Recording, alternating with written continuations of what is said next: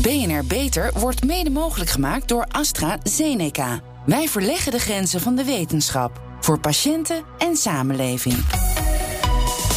BNR Nieuwsradio. Beter. Harmke Pijpers.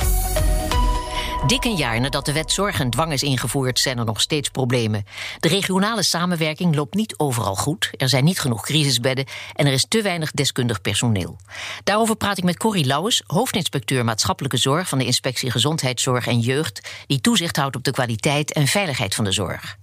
Ja, het uitgangspunt van de wet zorg en dwang, voluit wet zorg en dwang psychogeriatrische en verstandelijk gehandicapte cliënten, is dat mensen met bijvoorbeeld dementie of een verstandelijke beperking onvrijwillige zorg, dus gedwongen zorg, krijgen als het echt niet anders kan, omdat ze zelf niet meer kunnen inschatten wat goed voor ze is. Ja, Corrie, over wat voor gevallen hebben we dan? Wanneer kan het echt niet anders? Nou ja, dan moet je bijvoorbeeld denken aan mensen met uh, zware vormen van dementie. Die echt niet meer we zelf uh, weten wat, wat, wat goed voor ze is. En dus bijvoorbeeld gedwongen medicijnen krijgen. deuren die op slot moeten omdat mensen continu verdwalen en weglopen. Ehm, soms onrustig slapen. Dus um, een verhoogd bed hebben waar ze niet uit kunnen. gelukkig is dat laatste bij hele, hele hoge uitzondering. Maar nou ja, dat zijn maar een paar voorbeelden. Ja, en, en het voorbeeld was mensen met dementie, maar uh, andere voorbeelden, want die zijn er ook, hè? Ja, mensen bijvoorbeeld in de gehandicaptenzorg met meervoudige beperkingen, uh, waar echt uh, bepaalde medicijnen nodig zijn om uh, te voorkomen dat ze heel erg agressief worden, bijvoorbeeld. Hè, om agressieklachten te onderdrukken is natuurlijk een ander voorbeeld. Ja. Heeft het feit dat er geen andere oplossing is dan dwang, hè, heeft dat te maken met de patiënt zelf vooral of met de beperkte mogelijkheden ook van de zorg en de omgeving?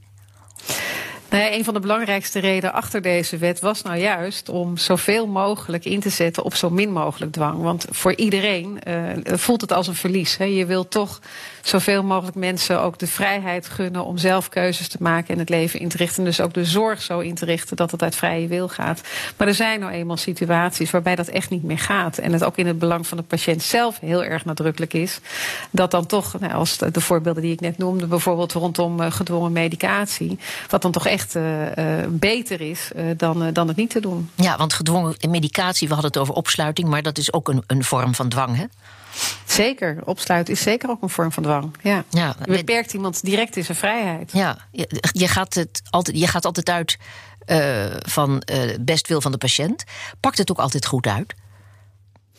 Nou, ik denk dat we allemaal uh, in de afgelopen periode, uh, uh, in, de, in de coronapandemie, met de vreselijke afwegingen rondom wat doe je wel en wat doe je niet in het kader van zo'n coronapandemie, ook geconfronteerd zijn met dit soort vraagstukken. Van waar doen we nou goed aan? Hè? Ter bescherming van wie en, en welke risico's weeg je uiteindelijk af? En dat is het waar het over gaat. Ja. Met elkaar die risico's goed afwegen. Voorheen viel die gedwongen zorg onder de wet BOPZ, BOPS, zeg ik altijd maar, die vooral gericht was op behandelingen in een psychiatrisch ziekenhuis. Waarom was er nieuwe wetgeving nodig? Nou, die wet BOPS was ook al van toepassing voor waar we het net over hadden. Hè? Mensen met zware psychogeriatrische problematiek. Hè? Um, uh, en de bedoeling uh, is van beide wet, want er zijn twee nieuwe wetten gekomen. Hè? De wet zorg en dwang.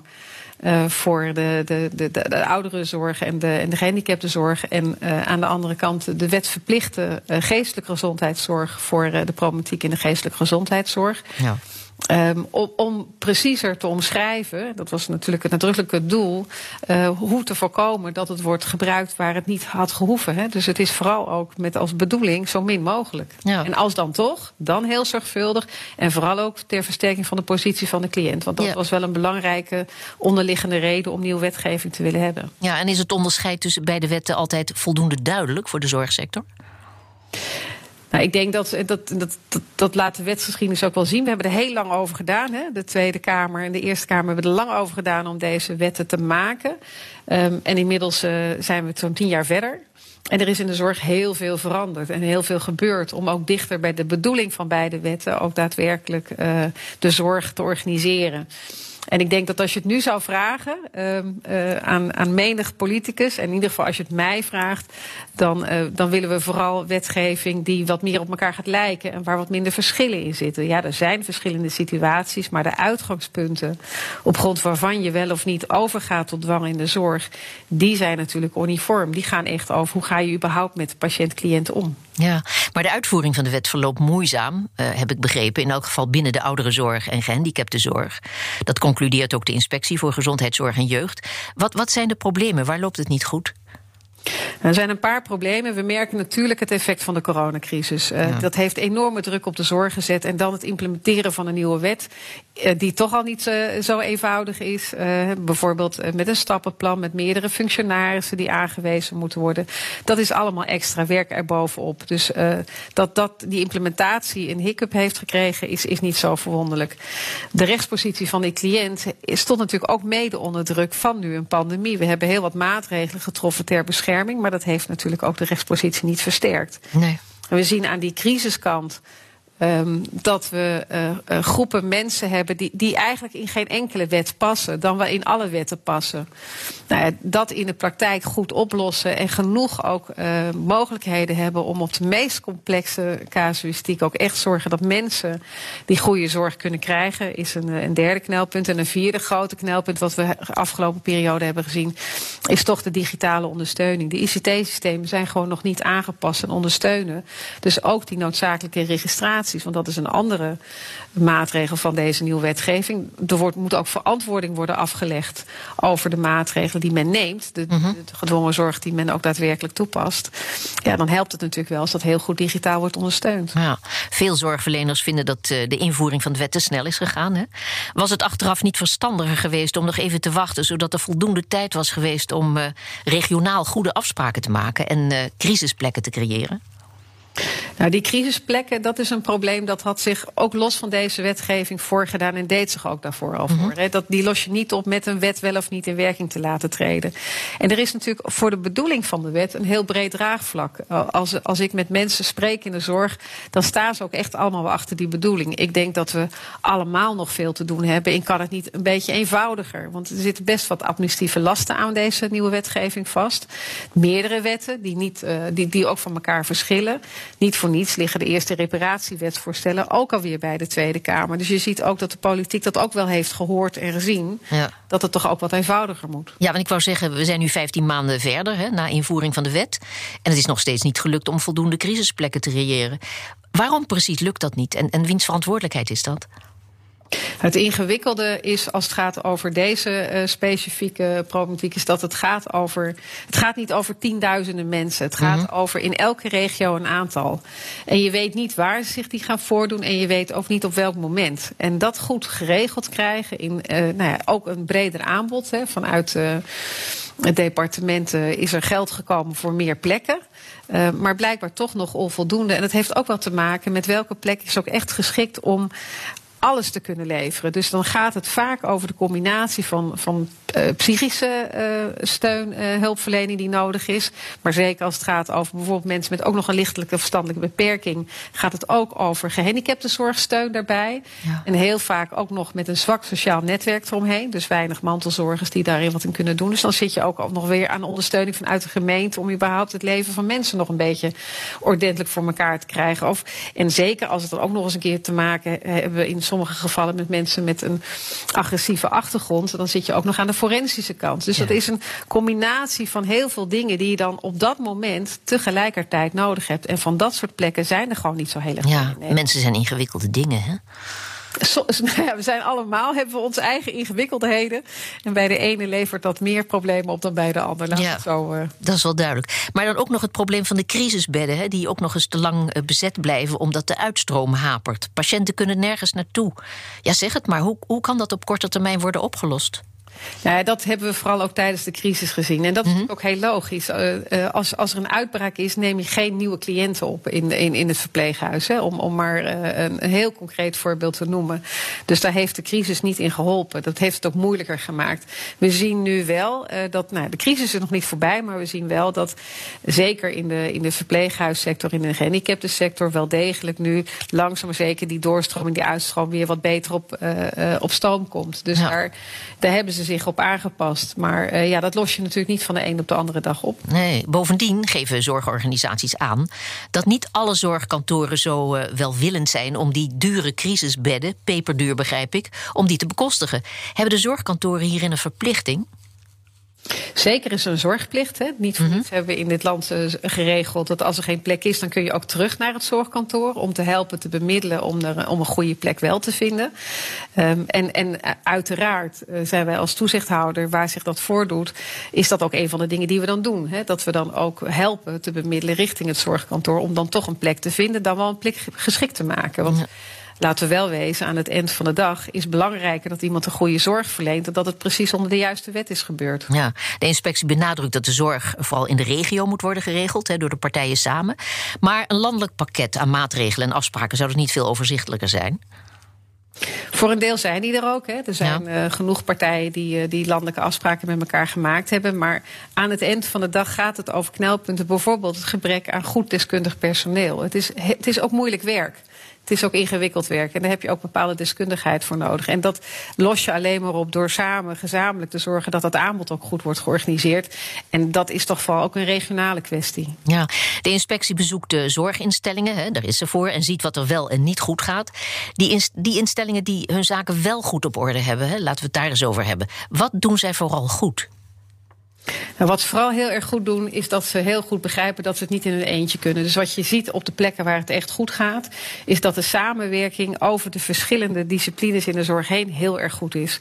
Dus de samenwerking tussen de lokale GGZ-instelling, het verpleeghuis, de artsen verstandelijk gehandicapten, de huisarts, eh, netwerken eromheen om te zorgen dat ook in het welbevinden van mensen de gemeente ook eh, eh de taak goed oppakt. Dat zie je vooral als een van de allerbelangrijkste voorwaarden om uh, ook deze ingewikkelde zorg goed te kunnen verlenen. Ja, patiënten in verwarde toestand, hè, daar hadden we het al over, bijvoorbeeld door een handicap, psychose of dementie, die moeten bij een gedwongen opname uitleg krijgen over een rechtspositie en allerlei documenten lezen en ondertekenen.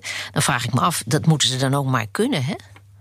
En dat is een van de knelpunten die we in de praktijk veel tegenkomen. Is wat is, wat is realistisch? Wat kan, mag je verwachten van mensen die toch moeite hebben om het te kunnen overzien? En tegelijkertijd is het natuurlijk heel erg goed dat er altijd die plicht is om wat wel uitgelegd kan worden, dat ook echt uit te leggen. Zodat mensen dat ook wat ze kunnen begrijpen ook echt begrijpen. En als dat niet met de cliënt zelf kan, dan in ieder geval met naasten. Er is dan altijd wel een andere die gemachtigd is om uh, voor de cliënt en met de cliënt uh, dat gesprek te kunnen voeren. Ja.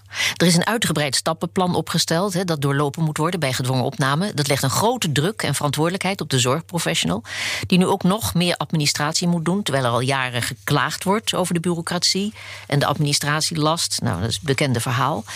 Ja, denk ik dan, dan was dat toch het eerste dat zou moeten worden aangepakt? Of is dat een een onoplosbaar nou, probleem. Over, het is, je had het net over dat het zo fijn is als er landelijke afspraken zijn. Ja. Dit is, het was een van, een van die elementen dat, men, dat de wetgever dacht... nou, als we het nou eens even heel goed uitschrijven... Ja. is het voor iedereen duidelijk. De kat bijt zich in de staart.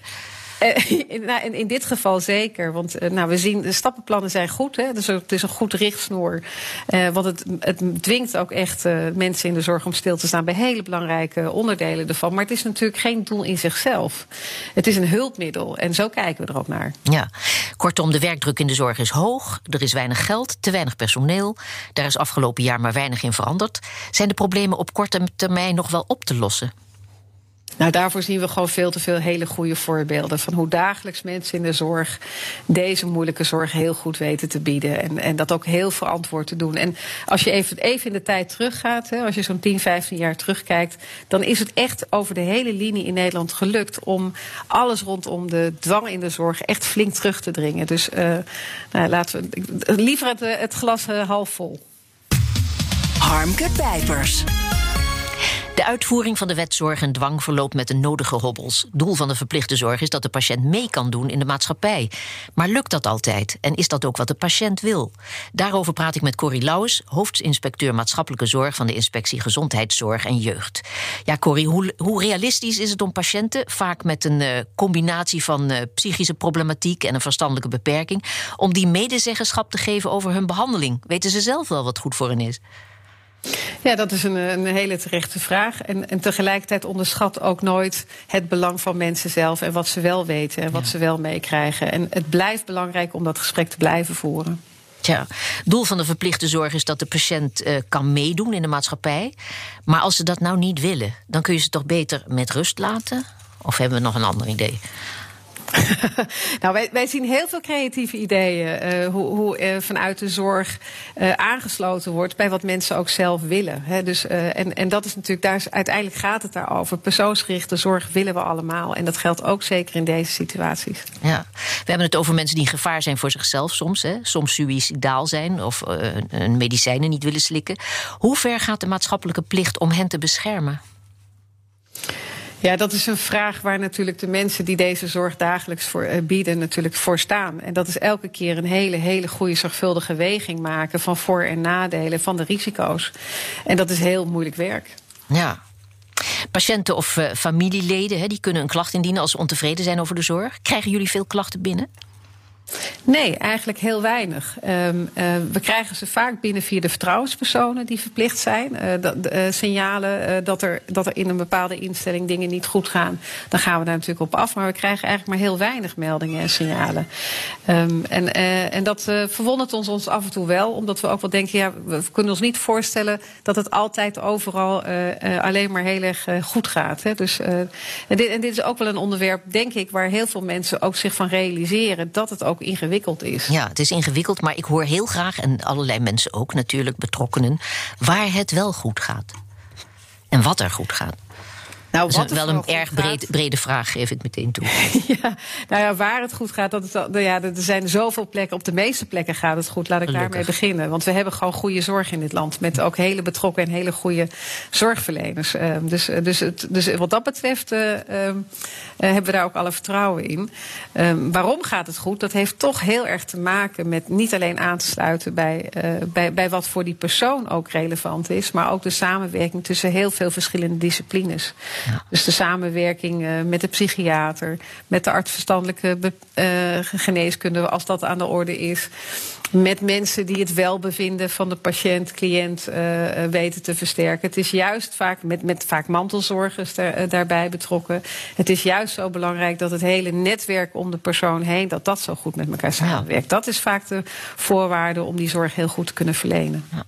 Onlangs bleek na rondvraag bij zorgaanbieders door de Nederlandse Zorgautoriteit dat er voor de uitvoering van de wet zorg en dwang 111 miljoen euro meer nodig is dan begroot. Volgens branchevereniging Actis is dat tekort nog groter. Ja, deel je die conclusie? Uh, dat hebben de collega's van de NZA uitgerekend. En ik heb geen enkele reden te twijfelen aan dat ze die rekensom goed hebben gemaakt. Nou, waar moet dat geld vandaan komen? Ja, dat is niet een vraag die u aan mij moet stellen. Dat is echt een politieke vraag. Ja, oké. Okay. Um, wens mij. Uh, rest mij u heel veel jou, rest mij om jou heel veel succes toe te wensen. Hartelijk dank, Corrie Lauwers. En wilt u meer weten over de wet zorg en dwang? Kijk dan op www.bnr.nl/slash beter. Zorgvernieuwers. Er zijn volop ontwikkelingen in de zorg. Nieuwe medicijnen, technieken en behandelmethoden maken het leven van de patiënt beter en het werk van de specialist makkelijker. Wat zijn de laatste innovaties? Struikelen mensen met een klikprothese minder vaak dan mensen met een kokerprothese? Dat is wel wat Oscar van Waas van zijn patiënten hoort. Hij is traumachirurg van het Erasmus Medisch Centrum, die deze nieuw soort beenprothese plaatst. Om te onderzoeken of dat inderdaad zo is, is er nu een struikelteller bedacht. Klinkt rampzalig, maar vertel, een struikelteller. Hoe werkt dat? Ja, en, en struikelteller dat is ontwikkeld door Dylan en Hartog. is een masterstudent uh, van Mechanical Engineering van de TU Delft. Oh, die, ja. Uh, en die, uh, die heeft hij zijn opdracht weer gekregen van Jaap Harlaar. Dat is een hoogleraar van klinische biomechanica, ook van diezelfde TU Delft. En met hem heb ik bedacht dat ehm, mensen die een, een, een botanker hebben, mm -hmm. in plaats van een kokerprothese, beter gevoel hebben met de ondergrond. Omdat je de prothese niet meer aan een koker vastmaakt die om je stomp heen zit, maar directe verbinding met het skelet heeft, waardoor je beter kan lopen en een meer gevoel krijgt met de onderlaag. Ja. De gedachte daarachter is dat je als je beter voelt, dat je minder vaak struikelt. Ja. Maar en om dat te bewijzen, hebben we dus een struikelteller laten maken door Dylan. Die dat heel goed kan vaststellen of mensen struikelen of niet. En de gedachte is dat mensen dan met een kokerprothese zo'n kastje krijgen. En ook mensen met osso-integratie. En die worden dan naar huis gestuurd. En die, dat kastje gaat registreren hoe vaak die mensen struikelen. Mhm. En de gedachte is dan dat mensen met een osso-integratieprothese minder vaak struikelen dan mensen met een kokerprothese. ja. En, en dat blijkt te kloppen. Ja, hij heeft dus dat getest met eh, vrijwilligers. eh, dus eh, gewoon studenten op een lopende band. Ja. En dat kastje was 273 van de 276 keer accuraat. Dus hij kon heel goed een struikelbeweging detecteren. Ah ja. En dat is belangrijk, hè? want eh, die protheses tot nu toe die voldoen niet. Nou, de protheses voldoen wel. Alleen het, het, het kan beter. En eh, het voornaamste probleem van, van kokerprotheses is dat mensen eigenlijk allemaal min of meer mate pijn hebben. Ja. Dat geldt met name voor de bovenbeensprothese. Die koker, daar zit je eigenlijk met je stomp in. En gedurende de dag gaat dat steeds meer schuren en drukken. Sommige mensen krijgen zelfs wonden. En het kan op, in sommige gevallen dusdanig erg zijn dat mensen hun prothese gewoon laten staan. En dan rolstoel gebonden worden. Ja. Dan helemaal niet meer kunnen lopen. Nee, vreselijk. Dus een goede uitkomst, zo'n klikprothese heet dat dan. Hè? Wordt, het, Ja. eh, wordt die klikprothese eh, wordt die vergoed? Want het is aanmerkelijk duurder, begrijp ik, dan de eh, prothese tot nu toe, die koker. Nee, ja, dat, dat is een probleem. Kijk, maar ongeveer 100 mensen in Nederland per jaar worden zo behandeld. Hè. Ja. We doen het hier in Rotterdam, maar ook in Nijmegen. En dat is een dusdanige niche voor de zorgverzekeraars dat zij zeggen van ja, dat, dat, daar gaan we geen diagnose-behandelcode voor maken. Dus het probleem is dat dit nu nog steeds als innovatieve zorg Oh ja. wordt gezien, de, de osso-integratiebehandeling. Dus de ziekenhuizen moeten bijleggen. Ja, en dat komt per patiënt ongeveer neer op 13.000 euro dat ziekenhuizen moeten investeren in deze behandeling. Ja, maar eh, u vertelde het al, ze struikelen minder, dus minder ongelukken. Eh, dat kost toch ook geld? Er worden toch een hoop kosten bespaard? Daar valt toch een sommetje Ja. van te maken? Nou, dat, dat is het idee. Kijk, eh, we moeten dat nog aantonen nu met een onderzoek. eh, dus we hebben net dat kastje gekregen van Dylan. De volgende stap is dat het onderzoek dat gaat bewijzen dat mensen beter lopen. En we zijn dan met andere onderzoeken bezig, met de samenwerking met de TU Delft. eh, en ook met Rijndam Revalidatie, waar die mensen revalideren, dat mensen meer en beter mobiliseren. En als mensen weer beter bewegen, kunnen ze ook weer soms een oude werk hervatten, zijn Ja. ze gezonder. Het heeft allemaal voordelen. En uiteindelijk ook voor de zorgverzekeraar. Dus uiteindelijk gaat dat lukken. Ik eh, ben ervan overtuigd. Ja, oké. Hartelijk dank en veel succes, Oscar de Waas. Ja, wilt u meer weten over de struikelteller? Kijk dan op onze site www.bnr.nl/slash beter. Tot zover deze uitzending van BNR Beter. Op bnr.nl/slash beter is deze uitzending terug te luisteren of on demand via de BNR-app en je favoriete podcast-app. We zijn ook op Twitter te vinden onder BNR Beter. Heeft u dus tips voor ons? Laat het ons weten. Ik ben Harmke Pijpers. Graag tot een volgend spreekuur. BNR Beter wordt mede mogelijk gemaakt door AstraZeneca. Wij verleggen de grenzen van de wetenschap. Voor patiënten en samenleving.